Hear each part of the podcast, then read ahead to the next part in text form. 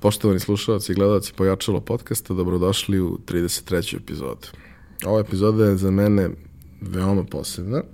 Ja sam vaš domaćin Ivan Mijeć, uzgled budi rečeno.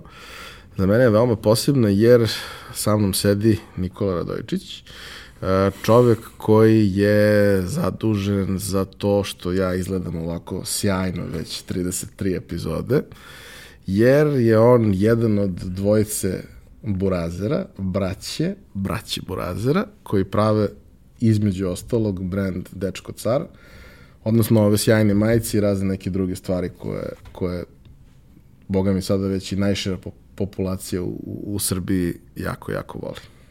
Nikola, dobrodošao. Da, bolje snaš.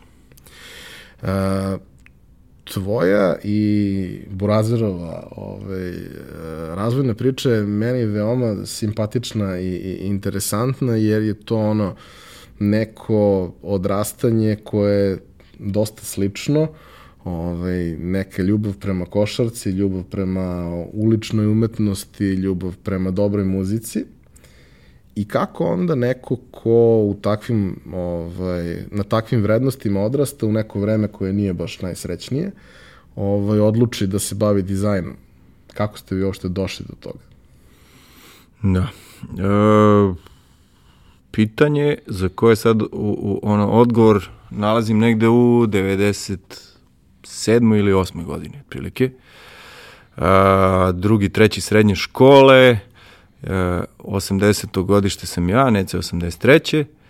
I ja sam u smeni sa 78 godištem.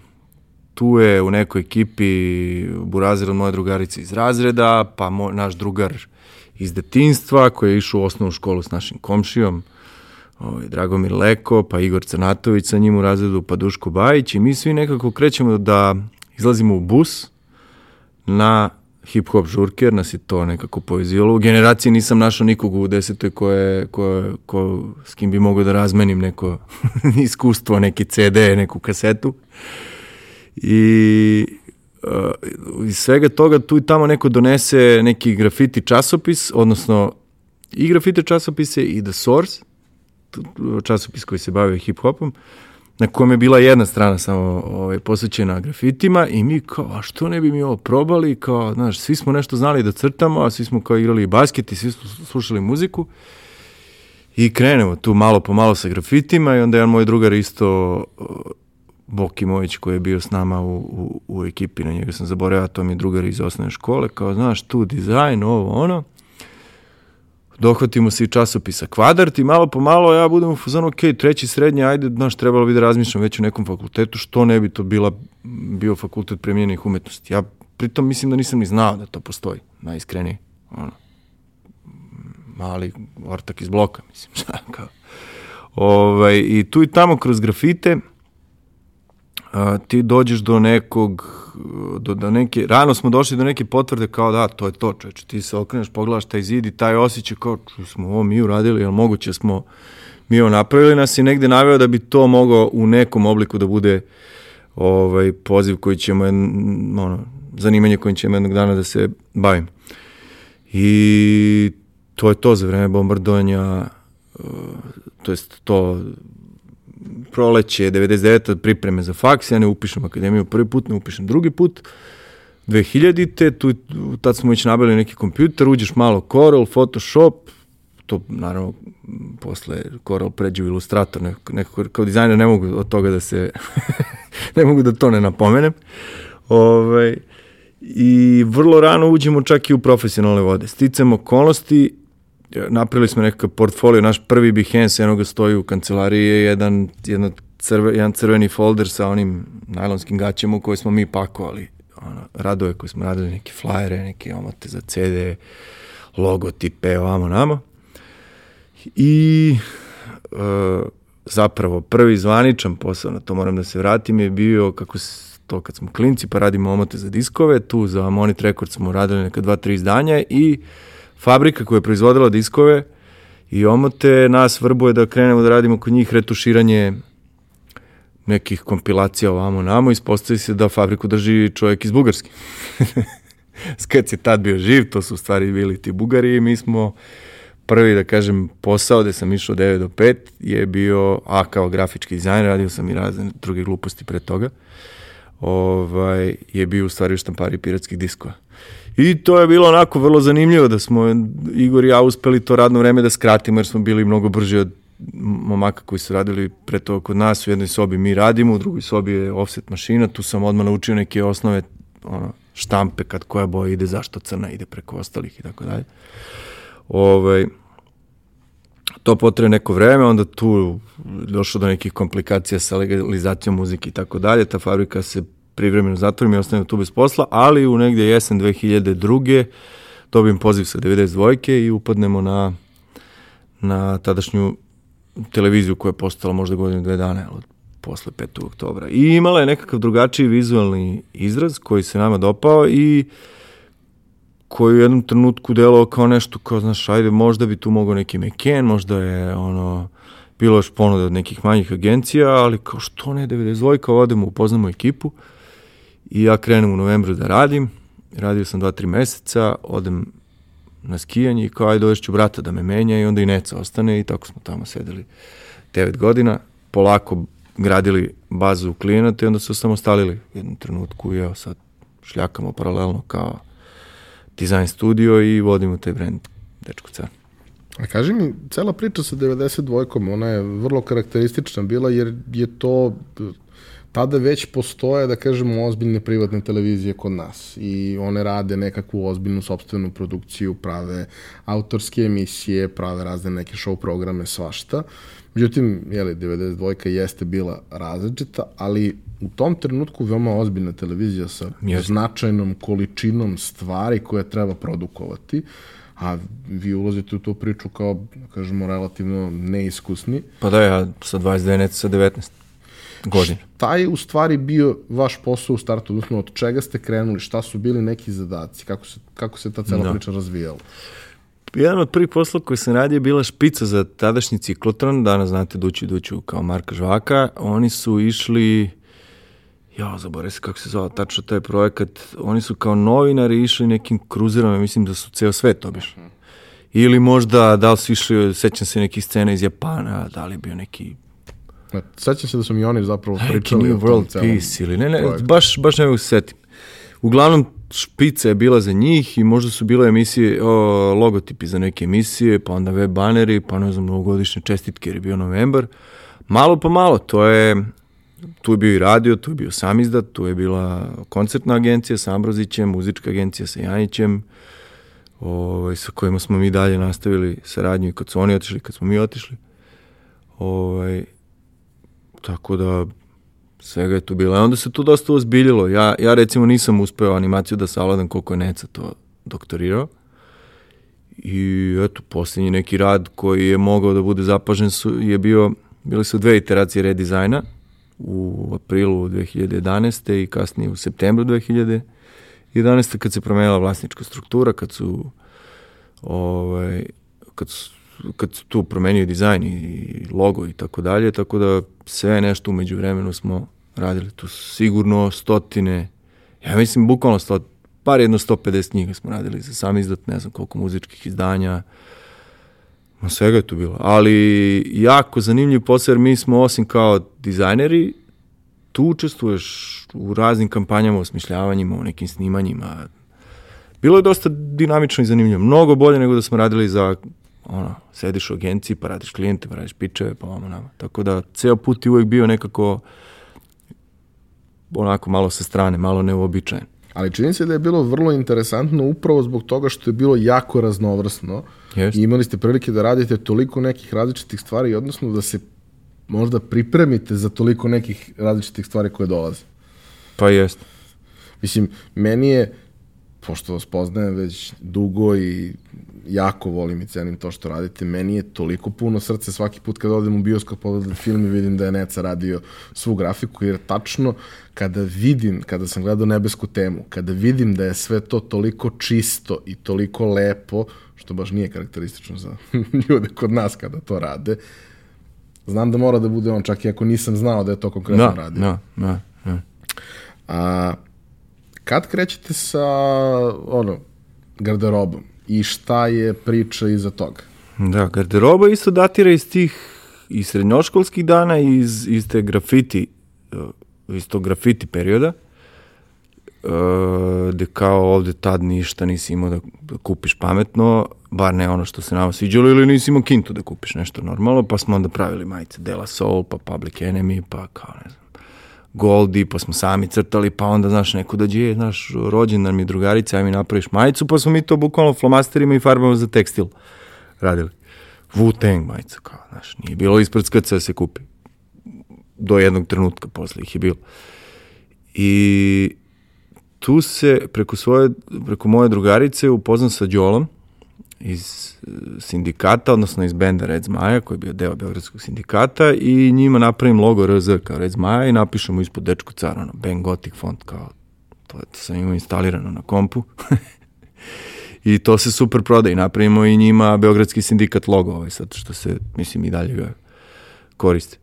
Ove, ovaj, I to super prođe na, na koncertu i kao, ajde, no, što mi ne bismo nešto tu pravili ovamo namo, pa smo to načeli, pa to nije išlo neko vreme, pa smo onda u jednom trenutku malo po malo pravili i to je tako trajalo bukvalno te 2001. do 2008. i onda smo 2008. prvi put napravili kolekciju koja je imala više od dve ili tri majice, koliko ih je obično bilo, nego kao ajde ono, nekih 6, 7, 8 komada, koliko je bilo, pa smo ubrzo napravili website, pa se to proširilo od te naše ekipe do, ono, do ljudi kao drugih, pa onda ajde više ne, ne nosimo mi, ne nalazimo se s ljudima, znaš ima i kurirske službe, ajmo po kuririma da šaljemo i malo po malo je to se proširilo. Onda smo, na primjer, sad govorimo o nekim ono, milestonovima koji su se desili umeđu vremena. Sećam se da smo, ono, žene i ja bili u Subotici, ušli neki butik, videli kao super majice, Blanko prodaje, onda sam ja čaleta poslo vozem da kupi 50 ženskih majica, kao, pa smo na njih štampali neki print, mislim, prosto je to tad bilo tako, ili smo išli kod Kineza, kupovali majice, pa čak i sami peglom kod kuće radili neke preslikače i to.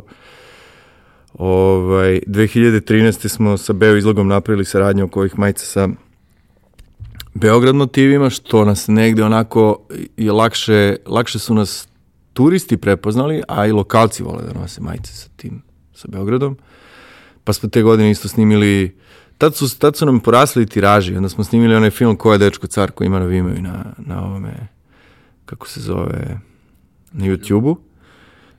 Tu je mislim, to što nam je, mi smo zvali prijatelje koji su kupovali majice, koji, s kojima smo radili, to Vlade Janjić, Coba, naš kolega dizajner koga izuzetno cenimo, pa Miša Terzic s kojima smo radili Ustaničku ulicu, recimo a, Maša Milevosnica, 92-ke, sad će neko da mi zameri što, što sam ga zaboravio, Đolo je tu, Joma je tu, Dare je tu iz, iz Zapleta, ovaj, ali kao radili smo majicu s Draganom Nikolićem i onda je bilo, ajde pitamo njega.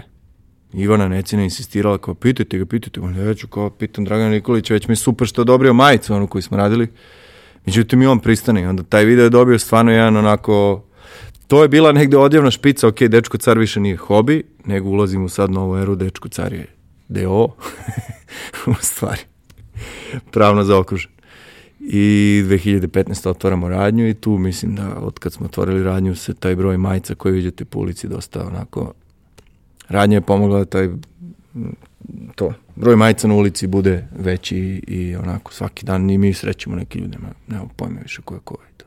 Ali čini mi se da se ljudi bar po tim majicama prepoznaju da su onako, da, da je to nešto što je okej. Okay. Ja se sećam da, pošto živim blizu nekadašnje 92-ke, da je tu bilo raznih nekih zanimljivih ljudi koji su nosili te neke majice koje su izgledale super, ali zapravo niko nije znao ni šta su, ni odakle su, ni kako. Ali sećam se tačno trenutka, to je negde 2008. godina, 9. kada je to postalo u nekom mom krugu prijatelja stvar koju nosiš ljudima za rođendan. Ljudima koji ti stvarno znače, pa te ne da. mrzi da se iscimaš, da odeš po tu majicu, jer kao možeš da kupiš bilo gde poklon, ali ako ti neko stvarno znači, da. daćeš mu tu majicu jer je ona drugačija, jer nju ne nosi svako, jer ne može svako da ode u Springfield, da je kupi ni ne zna da, da. postoji. I kao tako je krenulo od nečega što je bilo vrlo nije bilo underground, ali je bilo jako, jako posebno, do toga da sad ona, ona bela majica sa dečko car ispisom Ćirilica, da. je nešto što je kao meni dif, jedan od default simbola urbanog Beograda danas. Da, da. A recimo anegdota za tu majicu je da kao u toj kolekciji mislim to je izašlo 2012 ili 13. nema bele majice i neca kao šta misliš ovo da zviznemo na belo, rekao whatever, hajde, nemamo belu majicu. Ta majica ne, ono, kad god je ponovo odštampamo to plane, mislim, bukvalno, tako da je malo držimo i doziramo baš da ne bi preplavili sve ostale. Mislim. A, ako imaš ideju uopšte, a imaš sigurno neku predstavu, koliko različitih motiva je prošlo kroz Dečko car od, od prvog dana do, do danas? Pa mislim nekih da smo mi radili sigurno preko 200. Ajde Lupiću, ali negde ono subjektivni osjećaj 220, na primjer, da je to neka cifra, plus sigurno je bilo 30-ak gostovanja, na primjer. A, neki od tih starih majica više ne izlaze, ali neki od njih s vremena na vreme reaktivirate u nekim drugim kombinacijama, updateujete, podelite. Kako sada razmišljate kada pravite kolekciju? Prvo, mislim, kako razmišljate kad pravite kolekciju majica, a sada više to nisu ni samo majice, nego ima i Da. cela gama proizvoda. Naš negde pristup poslu je kao da vidimo s čim raspolažemo, pa da to sve prikupimo i iz toga izvučemo maksimum. E, I onda je ranije bilo ok, da vidimo šta ima od materijala da se kupi, pa idemo biramo boje, pa tu nešto na plavu majicu bi moglo nešto ovako, pa vamo namo, na zelenu ovo, na belu ono.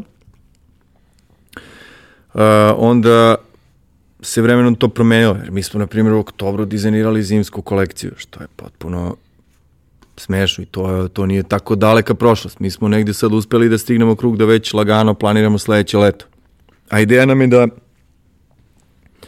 neke naredne godine u ovo doba već imamo definisano leto potpuno za narednu godinu sa ciljem da izađemo napolje, da, da dođemo do nekakvih distributera i tako dalje. E, sad je situacija potpuno drugačija, znači uopšte e, majica je naš osnovni proizvod i osnovna njena karakteristika je dobar kvalitet i dobar dizajn, znači ne, na, naša nekako, nekakva grafička poruka, da tako kažem, da li je to sad nekakav aktuelan uh, dizajn, neću da kažem trend, ali pravac, da li to ono, kombinacija boje ili šta već, sada mnogo više unapred planiramo, mnogo duže odležavaju neki dizajni, ovaj, što je negde mislim i karakteristika onako zrelosti brenda i vrlo često sad za svaku kolekciju angažujemo po nekog ovaj, da nam gostuje. Naravno, posle 200 i nešto rešenja i dalje ne znamo odakle to crpimo, da to stalno izlazi novo, da je, da je sveže i uvek nam baš iz tog razloga treba da izvučemo nešto iz prošlosti. Nešto što je kao što je nama bilo drago, što se dobro prodavalo i tako dalje. Što su ljudi voleli, mislim. Ovaj, I letnja kolekcija je jedna, zimska kolekcija je drugo, ali u tim među sezonama uvek izbacimo neki klasik. Evo ove godine recimo 50 godina sletanja na mesec, pa smo sve, sve ove NASA majice, mi ih zovemo NASA, sad smo to renamevali u Svemir kolekciju. To što je na, što na ja tebi. Ove, imat ćemo sve svemir printove sad negde, u stvari sad, početkom augusta izlazi. Kaži mi, Da, zašto, izvini, evo još jedna anegdota, zašto smo ih zvali NASA? Zato što je bilo ono u TV shopovima, imaš ovaj proizvod u saradnji sa NASom, kao, ono, bullshit priča, i onda nama to uvijek bilo super, kao, mi smo radili ovaj majice u saradnji sa.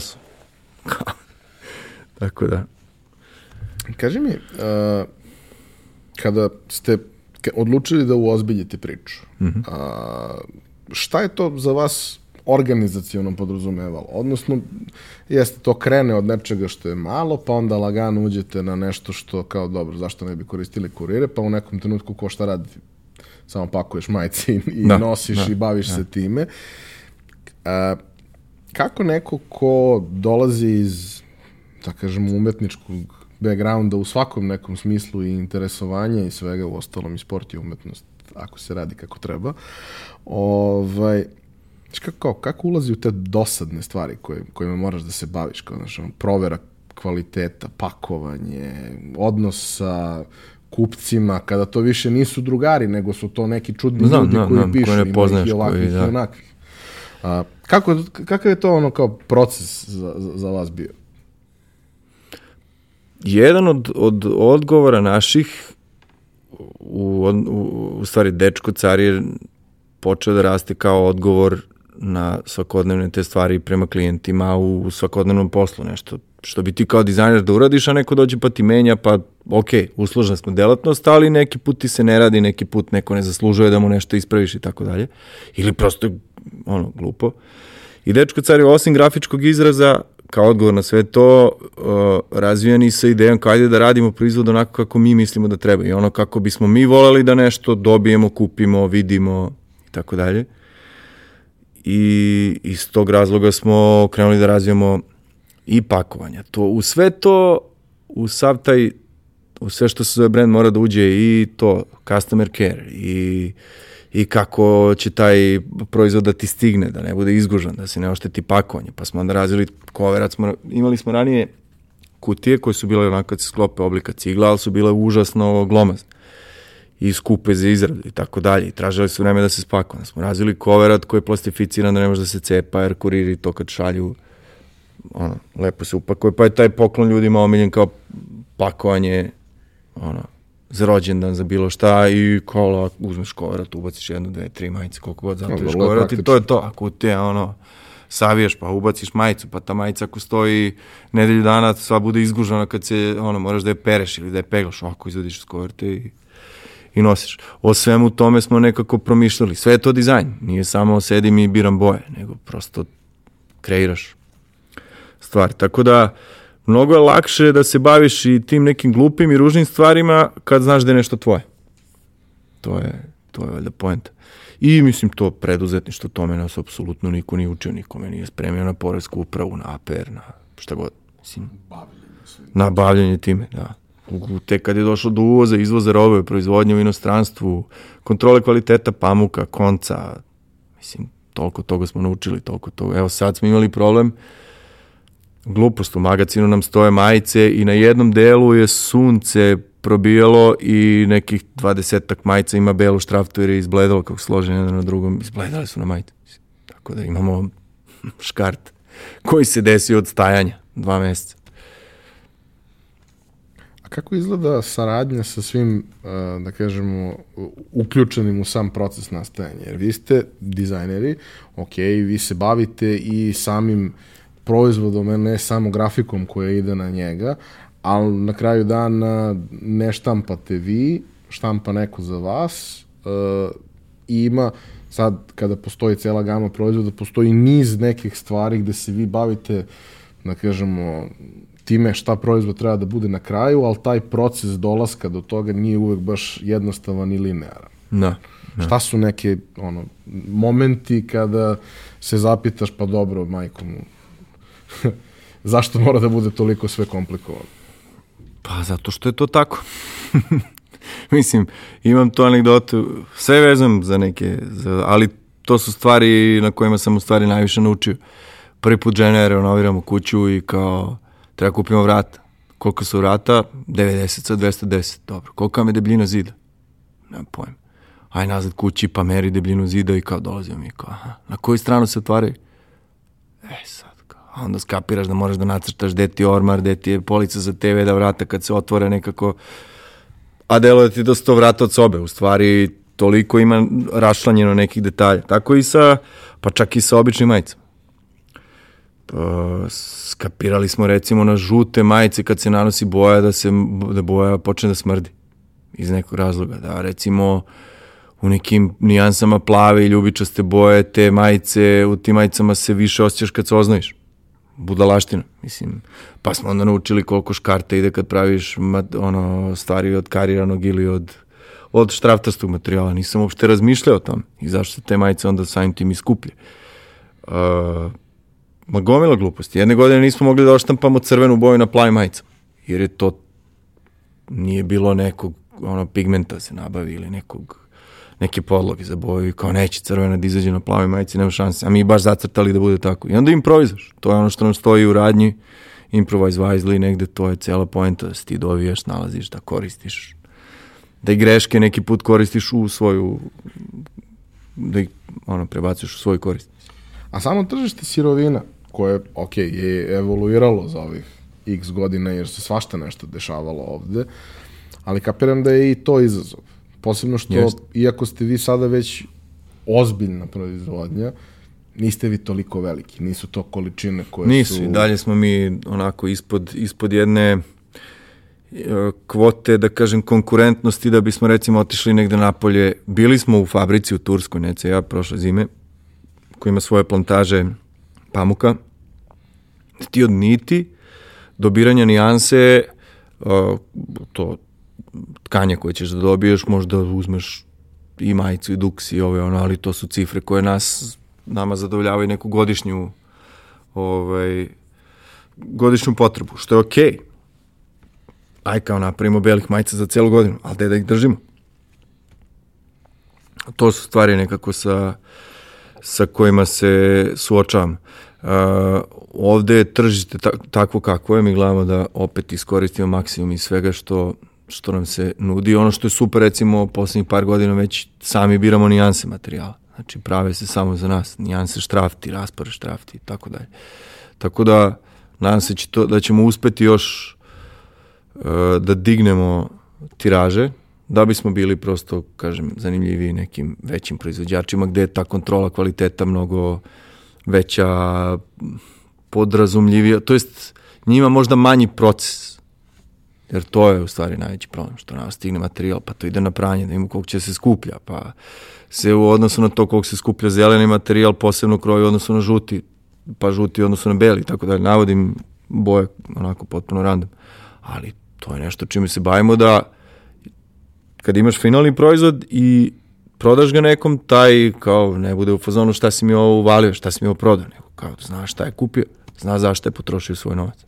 To. Ali kao, kada razmišljaš o svemu tome i kao na, razmišljaš na nivou dizajna i planiraš, mm. -hmm. ti kao, znaš, ono, na, nacrtao si nešto, osmislio se to bude ta boja, da li Pantone, da li nekom, Da, ne, u nekom okej. drugom sistemu, nije važno, i kao, to je ta boja i ti naručiš nešto, naručiš I to ne stigne. tkaninu te boje i ona stigne i kao bude sve okej, naručiš novu i ona stigne nema nikakve veze s tom bojom. Odnosno, ima, Dešava se. ali ti Dešava se. vidiš da ona nije ista. Pa da, ali to je pamuk, to je biljka, to je, mislim, koliko god se trudili, to su ipak stvari koje možda zavise, bukvalno smijali smo se sa drugarima koji kupuju vanilu, pa i moja žena i njihova poslastičarnica, pa sad znaš, cena vanile zavisi to je kako je duo vetar tamo oko Madagaskara, da li je padala kiša, nije. Kakao isto. Tako i za pamuk, mislim, prosto koliko god to bilo standardno, sa sintetikama je recimo sigurno drugačije, ali tu verujem da nismo još zašli u neke aktivne materijale i slične stvari, jer je to dosta skupo. Ovaj, ali prosto tako je. Mi istu nijansu teget naručujemo već poslednjih pet godina. Nikad partija nije ista. Prosto, ne znam. Nije. A kaži mi, trenutak kada ste odlučili da pored majica uvedete drugi proizvod. Uh, kako je došlo do toga, koji su to proizvodi bili, šta vam je tu stvarno bilo ono kao izazovno i interesantno i za šta ste za, na kraju skapirali kao zapravo kao postoje neki sjajni ljudi s kojima ovo može da se radi i koji Da, mogu da, da, odrade ove da. stvari za nas. Pa dobro, logična stvar i prva stvar koja se desi su muške, pa ženske stvari, to je muške i ženske, ne, ne, nema razloga da ženske budu iza, ali dobro, kad je dečko car, onda je logično da je prvo muško, bez ikakve, ono, neke e, pogrešne konotacije. E, sledeća stvar je kratki rukav, leti, dugi rukav zimi, tako da smo duksevi isto ran, ra- ranije mnogo, to jest odmah smo počeli sa duksevima, ali fora je što sad razvijamo nekoliko modela dukse, nije to sad samo s kapuljačem, bez kapuljača, na skopčavanje, pa ovakav kroj, onakav kroj, to isto radimo i sa majicama, imamo tri kroje i razvit ih još. Prosto da smo ostali u radnji samo sa majicama, onda smo mogli da ubacimo i preslikače, pa nekako radiš to štampaš, mislim, nego ipak se trudim da imam jedan range proizvoda koji se razvija opet po nekim ličnim potrebama. Recimo, Carhartt je ono ultimate streetwear brand na koji mislim da kogod pokrene brand uvek oni su jedni od prvih na koje se ugledaš, koji su to 90-ih došli u Evropu kroz film Mržnja, koji je opet jedan od prvih motiva za, za naš gra, prvi grafit, jedan od motiva za naš prvi grafit je bio upravo iz filma Mržnja. Ovaj, ja sam imao neki njihov novčanik koji mi se raspao, recimo, eto, oni su šta se dešava, da kao i neko ko, koga se, na koga se ložiš se ispostavi da baš nije ne znam kakvu kvaliteta, ali prosto kapiraš da to mora da se desi. I ja nemam da nabavim drugi novčanik, onda kupim neki bez veze i zalepim dečko car nalepnicu. Ko čekaj, što ne bi imali svoj novčanik? Što bi sad se ložio da idem negde da kupujem Carhartt kad mogu da idem dečko car? Sa podjednakim sa podjednakom emocijom kao što ono, volim da ga imam, vezujem se za nešto. Pa smo onda to otišli u manual, dogovorili se s njima i sad imamo tri modela kožnih novčanika, pa smo razvili tajvek novčanike. Pa kao čarape, odjednom tu Happy Socks ulazi sa nekom pričom šarene čarape, ovakve, onakve, kao što ne bismo mi radili dečko car, pa imamo liniju sportskih, pa imamo liniju običnih, pa nazovica letnjih i tako dalje. Pa smo onda i veš razvili malo po malo, jer smo naši super dobavljači iz Ivanjice. Tako da, ono, nekako sve, sve ide iz tih poreva. Svi ovi printovi Beograd su odlični za postere, odličan suvenir, pa šolje, pa prodajemo ove easy peasy naočare, recimo to je onako dosta kompatibilno uz kanken rančeve. Uh, trudimo se da, da eto, prosto zaokružimo celu, celu priču. Sa Ribokom sarađujemo kao negde kompatibilnim patikama sa pričom koju pričamo i tako dalje. Kaži mi, samo otvaranje radnje, Mm -hmm. uh, opet, kompleksnost celog procesa diže na još jedan nivo. Uh, kako izgleda, znači, vi ste do ne tako davno u odnosu na taj trenutak bili ono ti, Gril. Razer, porodica, što kaže neko od gostiju koji je bio mi sedimo, pišemo, deca pakuju i kao pa, da. otprilike tako funkcioniše. A, sada vi imate ono kao i određeni broj zaposlenih i potrebno je da se organizuje, da se sve to razveze i tako dalje. Koliko vam je to bio izazov uzevši u obzir da je kao vaš i dalje u tom trenutku primarni posao dizajn studio. Klijenti, rad na projektima vašim ili zajedno sa prijateljima na nekim njihovim projektima, a kao treba da se baviš day to day stvarima. Mm, mm. A, ko su bili ljudi sa, koje, koje ste kao prve zaposlili u toj celoj priči i uh, kakvo je to iskustvo bilo za vas setup offline biznisa koji da, da. mislim i samo lokal traženje lokala sređivanje lokala jer nažalost najčešće kad nađeš lokal koji odgovara cenom u Beogradu to podrazumeva da moraš da ga srušiš i sazidaš ponovo da uh, kako je krenula od Nece i mene da se širi priča. Prvo smo zaposlili još jednog dizajnera koji nam je pomagao na tim deli stvarima. Uh, pa onda kad je to sve to i dizajniraš i štampaš i uriš i ovame namo, kad nas je to preraslo, onda su u firmu ušle uh, Necina sadašnja žena i naša zajednička drugarica, odnosno moja kuma, ženina moja kuma Slađa one su krenule da pomažu oko logistike, oko zivkanja, oko svih tih nekih stvari koje te prosto onako vuku za ruku, nogu, rukav, vamo namo. E, tad kad smo radili kao online shop, onda šta se, šta se u stvari desilo? Moja žena je sa drugim detetom šetala, u, ono, šetala ga u kolicima i kao u Gračaničkoj vidi lokal, koji što je zanimljivo, možda biste vi ovde nešto mogli, vamo namo dođe u kontakt sa, sa vlasnikom lokala, skapiraju da dole postoji podrum, ali kao, znaš, možda ipak da tu sa Krletom napravi neku priču, njenim bratom poslastičarom, sa kojim je postala ideja da se krene u neke, neke cateringe, ne, neku... Mm, on se vrati iz Londona, poslastičar, ovamo namo, hteo nešto svoje da pokrene i onda se prvo otvori mandarina, u stvari i naš lokal kao ostane tu neka ambicija kao jedna stanica do koje ćemo doći jednog dana. Uh, otvorimo mandarinu i, na primjer, u prvih deset dana nam tu dođe jedan stariji komšija, koji, eto, kaže, može dede nam bude, koji, a, deco, super je vama ovo, ali ja da vam kažem, ovde niko ništa nikad nije uradio. Ova ulica je prokleta za biznis, ovo je kao ovako, ovo je onako, mi onako, ne znamo šta nas je snašlo od otvaranja, a ne sad još tamo nam on priča.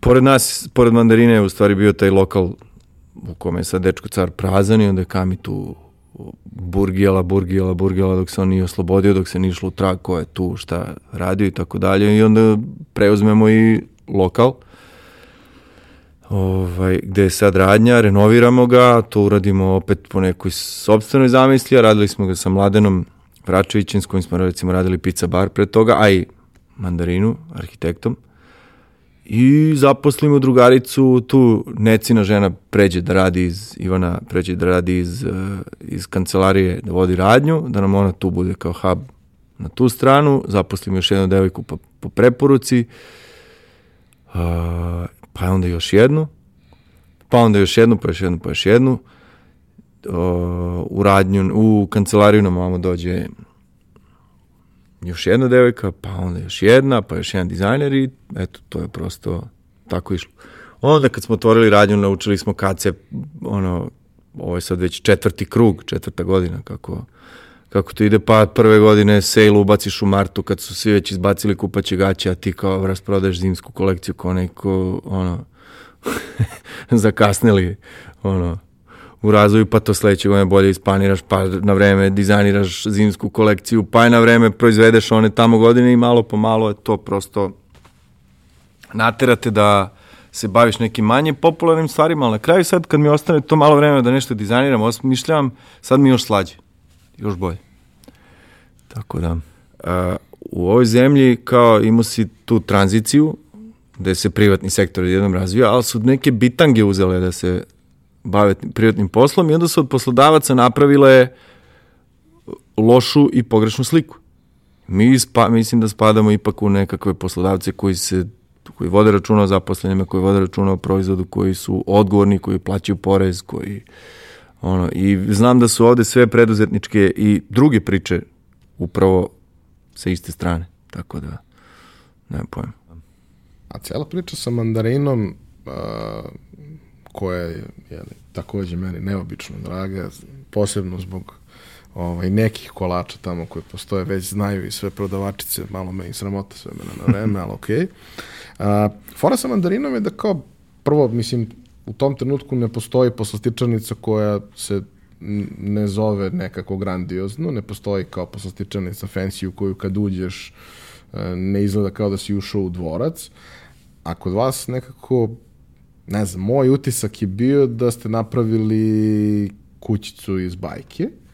A, to je sve u startu bilo prilično skromno i malo i sada je sama poslastičanica, da kažemo, relativno ne, malo proizvodnja se proširila i, da kažemo, kapacitet koji mandarina može da isporuči se, se značajno povećao, ali od starta to su bili neki kolači koji izgledaju potpuno drugačije, koji su, da kažemo, za naše uslove relativno skupi, koji su spakovani na jedan potpuno drugačiji način.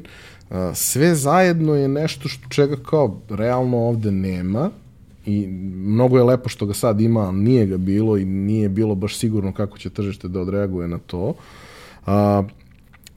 Vi ste tu, da kažemo, to vam je ono, rod najrođeniji, naj, najdraži klijent koji postoji, no. Da. najviše ti je stalo da, da, da uspe kako treba.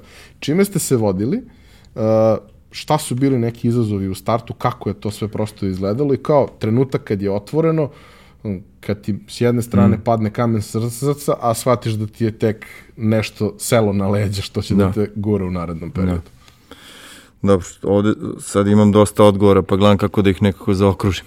E, cijela, u celu priču sa mandarinom možda najbolje da uđemo kroz neku, ono, da kažem, brief istoriju poslastičarstva u Srbiji. Ne znam koliko sam kompetentan da to pričam, ali mislim da su ovo samo neke tačke onako u, u, u kalendaru koje su nisu vezane za, za određene datume, ali kao kad smo bili klinci postojale su one državne poslastičanice u kojima imaš minjone, krempite, šampite ili iste takve privatne, pelivani sa sladoledima, u svakom gradu je bio neki pelivan.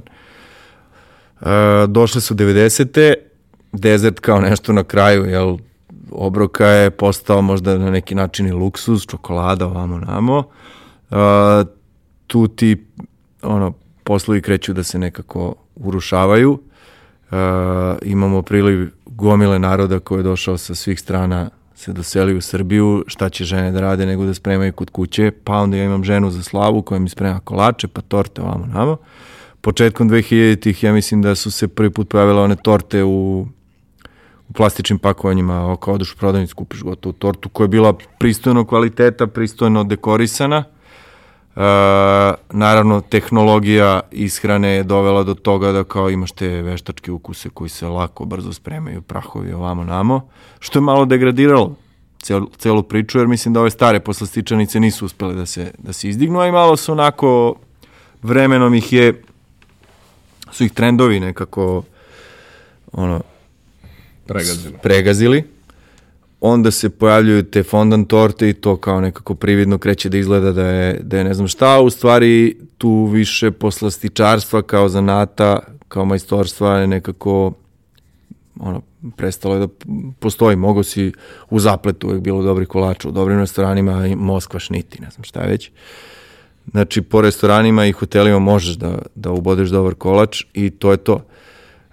Krle, Kamelin brat je završio ovde srednju ugostiteljsku, upisao višu, kroz neku razmenu studenta otišao u London, tamo radi u Claridge's hotelu, imao prilike da, da stvarno unapredi, usavrši svoj zanat, završi master za čokoladu, torte i slatka peciva i vrati se u Srbiju, radi u Square Nine-u u hotelu i negde je kao, eto, bio u fazonu, hoće nešto svoje. Mislim, valjda svi koji se usavršavamo za svoj posao, jednog dana hoćemo da imamo nešto svoje i eto, moja žena iz marketinga, ovaj, preuzme da vodi posao, smislimo to kao šta misliš mandarina, rekao šta mandarina, pa kao mandarina cake shop, pa nije loše, zvuči pozitivno, zvuči ukusno, uh, Jednostavno. a ne treba da bude kao ono, ne znam, neki italijanski naziv ili šta već, onako nešto što je na keca i mislim da je to isto meni su lično kao dizajneru to kao, imaš McDonald's, najpoznatiji burger na svetu koji se ne zove burger, ništa, nije burger ovo, burger ono, ne McDonald's, ali je sinonim za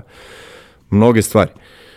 Ali opet, jedan od najprepoznatljivih brendova, anyway, ovaj, i to tako krene. I mislim da baš to zasićenje tržišta uh, sa lošim proizvodima, osrednjim proizvodima, ono kad se vratiš na nešto što je fundamentalno odlično, ljudi će i da plate za to. To što si pomenuo i da je cena ovako, onako, mislim da je to i dalje priuštivo u odnosu na to šta, šta dobijete u, u, u tom kolaču. Inače, i jedni i drugi smo nekako bili svesni situacije u kojoj se nalazimo, uslova u kojima ljudi žive, zarađuju i tako dalje. I mislim da, da je i tu negde ključna vrednost naših brenda to što su priuštivi, a što dobijaš i više za ono, taj odnos dobijeno i plaćeno je, mislim, vrlo onako, čak i u korist kupca mnogo bolje. Ja nekako verujem da kada postoji nekakav mali brend ili Da. manji brend, ajde, možda više nije mali, ali manji brend, da jedna od važnih stvari o kojima ljudi koji ulaze u takvu priču treba da razmišljaju posebno ako je u pitanju neka vrsta zanatske proizvodnje, a Mm, ovo jeste, da kao, okej, e, možda u Beogradu nema milion i po ljudi koji tebe mogu da priušte, ali ti ne možeš da proizvedeš milion i po kolača. Pa ne možeš, da. I ne Da. treba da se opterećuješ tim. Sa druge strane, da, možda će ljudi imati ovakav ili onakav stav, ali onaj koji proba, neće izaći nezadovoljan. To je jedna Da. iskrena, kvalitetna, dobra priča. Ne mora svakom da se svidi svaki ukus, nije, to je individualna Naravno. stvar. Ali kao e, što kaže Senka iz Speci pa reci, mi pravimo poštene kolače. Da, to je to. To je kao na kraju priče tako. Jeste, da, možeš da kupiš čokoladu i za 50 dinara, ali postoji razlog zašto ona Naravno, zašto košta više košta. od toga. I to je jedno zasićenje e, tržišta sa nepoštenim proizvodima.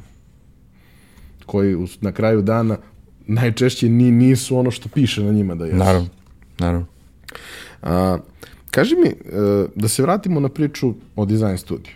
A, koji su neki projekti koje ste radili koji, su- do kojih vam je posebno stalo? Mhm. Šta su neke stvari na, na, na kojima ste radili koje su vama lično mnogo značile? I ko su ljudi sa kojima ste, sa kojima ste radili? Verujem nekako da u tom poslu je jako važno da se razumete, da postoji određena vrsta poverenja između ljudi da ako sam ja tebe angažovao za dizajn, onda ću i da te poslušam. Ok, daću ti svoj feedback, ali ne, nisam došao da ti kažem šta ti treba da uradiš. Došao sam da ti kažem šta ja imam i želim da mi ti u tome pomogneš. Da. Da, cela ta situacija o kojoj pričaš se mnogo, mnogo, mnogo promenila i srozala u posljednje vreme. Moram da budem, moram to prosto da, da napomenem i jako mi je žao zbog toga. Nekako mi smo u dizajnu ušli baš sa tom borbom da ti, znaš, dizajn je lepa stvar, mislim, ovako ili onako, mislim, to, to, dobro dizajniran proizvod treba da ti olakša i ulepša neko iskustvo u životu. Da li je to dobra viljuška, da li je to dobar auto, da li je to ležaljka, da li je to daska za WC šolju, lupam. Mislim, prosto su stvari koje, koje koristiš. I negde ti, ako si se etablirao i ako već imaš dovoljno portfolio, sad ti danas dolaze ljudi i cime, ono, daju target grupama da oni dizajniraju i iznose svoje mišljenje, od toga nema ništa. Mislim, t, kao jedna od, od ono, japanski dizajn, švedski dizajn, italijanski dizajn, to su, to su, znaš, to su delovi njihovog nacionalnog identiteta, njihovog brenda kao zemlje. Zašto mi to ne bismo imali? Zašto je, znaš, tužno što je to malo kod nas onako na jednom nivou mi se stalno borimo sa tim, ali eto, prosto drago mi da smo bar deo toga da nas ljudi prepoznaju kao, kao neke, nekog ko to radi na dobar način. 92 nam je bila, mu kažem, klijent, jer smo kod njih bili zaposleni. Ali 92 nam je u tom smislu možda jedna od najlepših stvari koje smo radili, jer smo 9 godina imali odgovornost da to pravimo, da, da izgleda kako treba. Ove, ovaj, to, A to i prosto... poverenje da vas puste da radite da. kako vi mislite da, da. Čak i to što smo bili klinci. Ok, to sve To je sve posledice toga što smo bili deo dobre ekipe, što naš kreativni direktor Đole Marković s kojim smo i dalje prijatelji nekako to vodio kako treba, mislim. Uh, šta ja znam, nekako ne mogu sad ništa da izdvojim kao nešto posebno, jer se bojim da ako nekog ono, pomenem da će ovaj drugi da se uvredi, jer imamo dosta ljudi s kojima na, stvarno na jako duge staze radimo, to je po 7, 8, 9, 10 i više godina su nam stalni klijenti. Ove, ovaj, ali recimo da je negde kulminacija svega što smo radili i onako najlepši primer svega što se desilo su bili frikom sladoledi. Naravno, osim dečko cara i, i, i mandarina, ali tu negde pristupamo kao da smo sami sebi klijent. Ja tako dizajniram dečko car, tako dizajniram i mandarinu, ne, ono, tako postavim stvari. To je veće od mene. Ko za sebe. Da. A, zašto frikom? Zato što su nas zvali i rekli mi znamo šta vi radite, mi hoćemo da nam uradite redizajn pakanja iz 80-ih. Hoćemo da to malo vratimo, jer ti sladoledi su kao dizajnirani kad se frikom ono, spoje sa Agrokorom, imali su jedan onako krajnje bezličan dizajn za, na koji si zaboravio. Oni se prodaje, pa se prodaje, jer košte 50-60 dinara. Ove, ali eto, kao hoćemo da im ono, udahnemo neki novi život, Jel biste vi to radili mi? Kao, naravno da bi. Plus oni su u tom trenutku i uveli neke stare sladolede kojih nije bilo. Jeste, Tiger. Mislim da je samo njih, nadam, treba, bilo je priča da će još uvesti novih stvari, ali, ali nisu.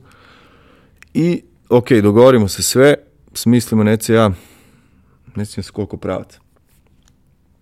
Ja tri, Neca dva, na primjer. Ali smo ta tri, ono, znali smo da će, ono, moj jed, ono, jedan ili dva i njegovi neki da, da prođu ili da budu zanimljivi. Ali mi smo morali prosto više stvari da razvijemo zato što prvi put radimo s njima, ne znamo kako razmišljaju. Cela poenta je da ti sa klijentom napraviš jednu dobru magistralu informacija tamo i nazad da bi došli do, do zajedničkog rješenja, nije to samo naš dizajn.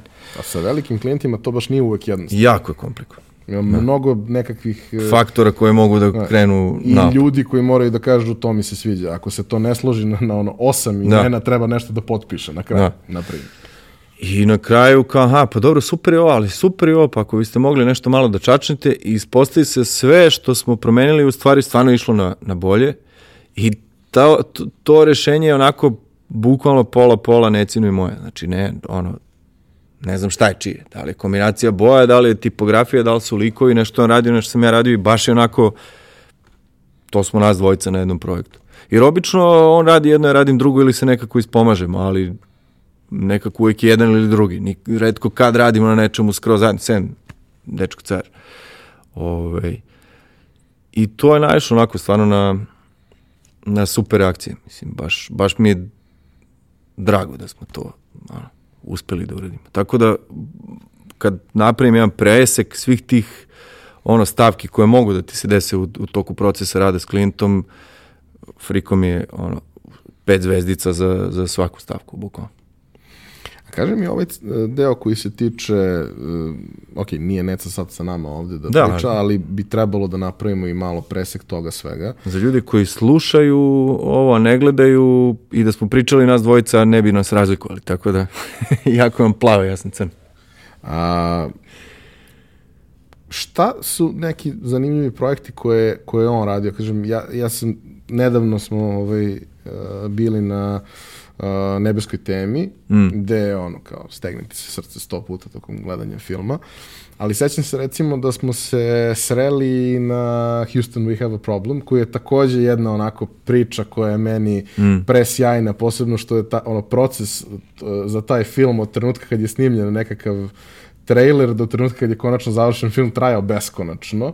Jeste, on je... I taj film je meni ono prokleto wow kako sve to izgleda i u svemu tome to što, što je on uradio je bilo neverovatan deo svega toga. E sad kapiram da, da se tu stalno nešto dešava. Šta su neke ono zanimljive stvari na, na, na kojima je on radio? Koliko si to uspeo da? Sigurno, sigurno će on, ono, sigurno bi on dao bolji odgovor na, na ovo pitanje, ali negde obojica smo na sličan način vezani za, za to što radimo. To što ti kažeš da ti je beskonačno zabavan taj film, ja se sećam da je on radio beskonačno mnogo rešenja da bi došao do, do plakata, bukvalno, da imam da imam priliku da napravim tu neku vizualnu prezentaciju, on je to super rešio sa, sa nekom animacijom. Ovaj, ne znam. Verujem da bi on istu stvar rekao za, za frikom. Mm, dosta smo se, uspeli smo da se udaljimo od tih, od korporacija, znaš, da ne radimo, da ne radimo te default stvari. I filmovi su, filmovi su, to paket grafike za film je isto nešto zašto smo se na neki način specijalizovali. Tako da verujem da bi mu takvi projekti bili onako među dražima, pogotovo ako ima prilike da, da nešto i animira i ilu- ilustruje, pa onda to ilustrovano i animira. Mislim što je vrlo, vrlo komplikovano. Ove, ali znam da neki put ume da se ubaci u sve to i kao režiser, recimo sad smo radili sa fondacijom Slavko Ćuru, Ćuruvija, ovaj, radio animaciju, nekakav timeline celog tog procesa suđenja i tako dalje i to kao imaš fotografije i tekst i muziku i nekako treba sad on je animacijom i grafikom uspeo da, da onako dočara svu tu emociju koja je ono, ne znam, nenormalna. Mislim, prosto ne znam ni šta da pričam o tome. Ovaj, znaš, ne znam, radili smo i f- a puno filmova, sad, da, bojim se da ako krenem bilo šta da nabrajam, stvarno, ono, preskočit ću nekog, bit će bez veze, a svi su nam podjednako važni, mislim. Tako da, A kaži mi jednu stvar koja se skoro... ovo što sam ispričao za frikom, izvini, je baš namerno, volao bih da, da, da ljudi čuju, da treba da nas puste i da u stvari najbolji rezultat koji smo dobili je baš to, kao lepo razumevanje sa klijentima i pušteni smo da radimo ono što, što mi treba da radimo. Jer mi smo 4-5 poslova posle frikoma pristupili su nam na isti način, su dali target grupama da, da oni dizajniraju i daju svoje mišljenje o tome i o dizajnu i kao, što ste nas zvali? Ne, ima taj jedan ovaj, citat koji ja vrlo često volim da, da pomenem, ovaj, Henry Ford koji kaže da smo pitali ljude šta žele, rekli bi nam brže konje. Pa da.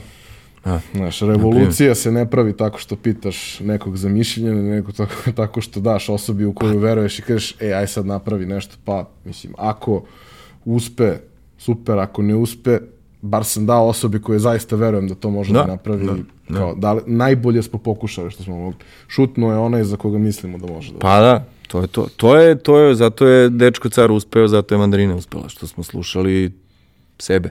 I to isto nas, isto hoću da ti odgovorim, da gomila ovih stvari koje nas je sačekala kao preduzetnik, ja sam znao da će to i da sam planirao i da mi neko rekao, je, znaš sad, ovamo, namo, kao čekat će to, čekat će to, ono, pa verovatno bi stao, verovatno ne bi ušao u posao, bio u fazonu, ma pali, kao, znaš, treba posle da vodim i dete u vrtić i namo. A neko kad ti se desi, uzmeš, radiš i završaš. To je to. I kad dođeš u fazu da ti je previše stalo, da to ne uradiš. Nema nazad. I svaki put kada dođeš do nečega kažeš, e, okej, ali ja ovo već 10 godina radim Da. i neću sad 10 godina da bacim zbog 5 minuta raspravljanja sa nekim Naravno. šalterskim službenikom. Naravno. Stvari koje se nismo dotakli, a mislim da je jako važno, uh, posebno što to što vi radite nije, kao što si i ti negde rekao, nije baš uobičajan posao za nekakav studio, neću da kažem agenciju jer niste Nismo, agencija, ali nije uobičajeno za studio jer opet studiji uvek traže neku varijantu, neku sigurnost, a onda rade stvari za svoju dušu. Dobro, A, imamo mi i toga, naravno. ali opet tu birate, imate i mogućnost da birate da radite sa nekim malo drugačijim klijentima. Pa da. Nemate neku zlu korporaciju koja pravi svoj godišnji izveštaj i to vam je najveći horor u životu. A, kako ste učili sve te stvari? Znači, krenuli ste u vreme kad baš nije sve to bilo toliko dostupno.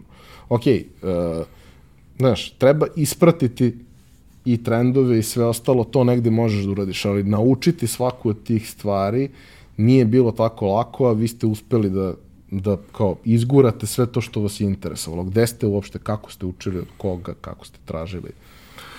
Naš brat od strica imao kompjuter kad, ono, od kad je bio mali. Pa smo tu, sećam se, sećam se da smo bili kod babe u Valjevu, on iz Valjeva inače, i onda smo sedeli kod njega u Korelu i pravili, ono, glupirali se, pravili umrlice. Dobro. Pošto je to u malim gradovima, postoje ti stubovi zidovi da se izlepe umrlice, pa ljudi vide ko, ono, šta se dešava. E, onda smo mi tako pravili fake, izmišljali, lupetali gluposti. Ovaj, on je imao komp i on mi je pokazao prvih pet koraka u, u Corelu, kad sam instalirao Corel. A recimo komšija nam je bio zaluđenik za kompjutere i kupao je PC Press i onda smo njega kopirali, uvijek je u PC Pressu bio neki to kao savet za dizajnere za- oko tipografije, kako se koristi koji filter, pa ono tips and tricks, shortcut i tako dalje.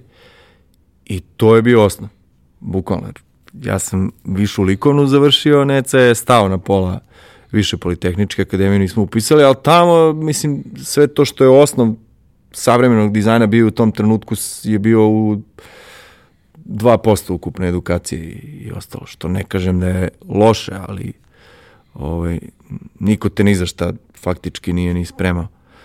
Uh, tako da sve smo učili usput, sve to čujem ne jednom kao, a pa vi ste imali sreće. Pa sreću smo nekako nalazili u toj trećoj smeni koju smo radili jako dugo. Dođeš sa posla, tamo nije baš bilo 9 do 5, to isto bilo super stvar na, na 92, nekad je bilo duže, nekad je bilo kraće, ali smo uvek tu bazu klijenata uvek druge stvari i taj skill dizajnerski razvijali posle radnog vremena. Svi legnu da spavaju i mi nastavimo da radimo. I u vreme kad smo radili u istoj sobi kod Kevi Ćaleta i u vreme kad smo se posle ono, razdvojili pa je svako živio na, na svoj gajbi. Samo ono, samo vredan rad. Mislim, to je to. Evo, poslednje kampanje smo recimo nas dvojica fotografisali, jer nam je to bio izazov. Zašto ne bi naučio još jednu stvar da radiš? Pa da. Jer kad naučiš, mnogo je lakše i da daš brief. Pa jest. Kad znaš kako Kad znaš kako funkcioniše, funkcioniše znaš ceo ti treba. proces, to je to. Šta je budućnost, dečko car priča? Odnosno, šta bi volao da bude naredni korak? opet anegdota. Neca ima predavanje iz informatike gde profesor pita njegovog nekog drugara ili kolegu, nemam pojma. Kaže, hoćete li reći šta je to optička memorija? Kaže, ovako, gleda, kaže, optička memorija, to mi je budućnost računara. ne znam tačno šta da ti odgovorim, ali nije ni lepo da, da ne znam. Iskreno volao bih da da dečko car ostane to što jeste ovde, da ga ne razblažimo nekim dizajnom i nekakvim, da kažem, poslovno umetničkim potezima i da probamo da izađemo napolje. Da to što je nešto made in Srbija ne mora nužno da bude pogrešno shvaćeno ili loše etiketirano. Kad kažeš da izađe često da bude. napolje, a, misliš da izađete napolje sa... Van granica, fizi, van fizičkih granica Srbije. ali sa proizvodima Sa koje proizvodima. sad imate, uh, sa ono, ciljanom publikom ljudi koji su sa ovih nekih naših prostora ili sa nekim pravljenjem nečega što je za global, što je drugačije. ono što smo već načeli je baš priča sa Švajcarskom i baš priča sa ljudima koji jesu sa naših prostora, ali su rođeni tamo. I mislim da je to negde logičan i prirodan sled stvari. Tako da, malo po malo, ali ono što znam i što dobijam kao feedback je da stranci to prepoznaju vrlo Ono, druga nam je pričao, on u Švajcarskoj prodaje naše stvari, kaže, bili su Brazilci i kupili poster Beograd u Cirihu. Tako da, jer im se jako svideo. Kao, onda im je objasnio što je, ma kao nema veze, super, daj. Tako da, nemam pojma. Mislim da mi grafički pričamo jedan univerzalan jezik koji je na jednom, mi je glupo da kažem i na svetskom nivou, to je samo pismeno čisto urađeno kako treba. Tako da mislim da će to svuda ljudi umeti da prepoznaju. A, vaš proizvod jeste nešto što, što je univerzalno i zašto se ljudi jako, da kažem, brzo vežu ako im je to vizualni jezik koji im odgovara. Mm -hmm. A, sigurno da prvi put kada si video da neko nosi tvoju majicu, a da je osoba koju ne poznaješ, to je neki poseban osjećaj.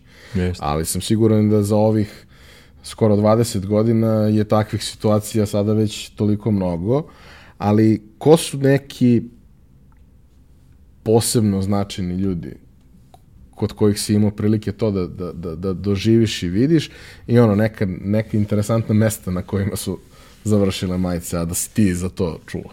Da, pa svega je tu bilo. Znaš, ne, ono, neki su mi čak do, ono, događaj vezani za, za majice vrlo zanimljivi, recimo, nego sad to kao, ne znam, Charles Petersonu smo poklonili, pa kada je puštao muziku, jednom ovde nosio našu majicu, onako, sećam se kad je skinuo košulju da je bio onako aplauz kad su videli ljudi majicu. Uh, ali onda, s druge strane, prošle godine mi drugarica šalje, ona se preselila u Ameriku, već dugo živi tamo i razvodi se od muža Amera i seli su u Njurku na ručak da kao eto, potpisali su, aj se raziđemo oko ljudi, kaže izlazim, izlazimo iz restorana i ti prolazi pored nas dečko car majicu nosi, kao, brate, kao kakav, kakav znak.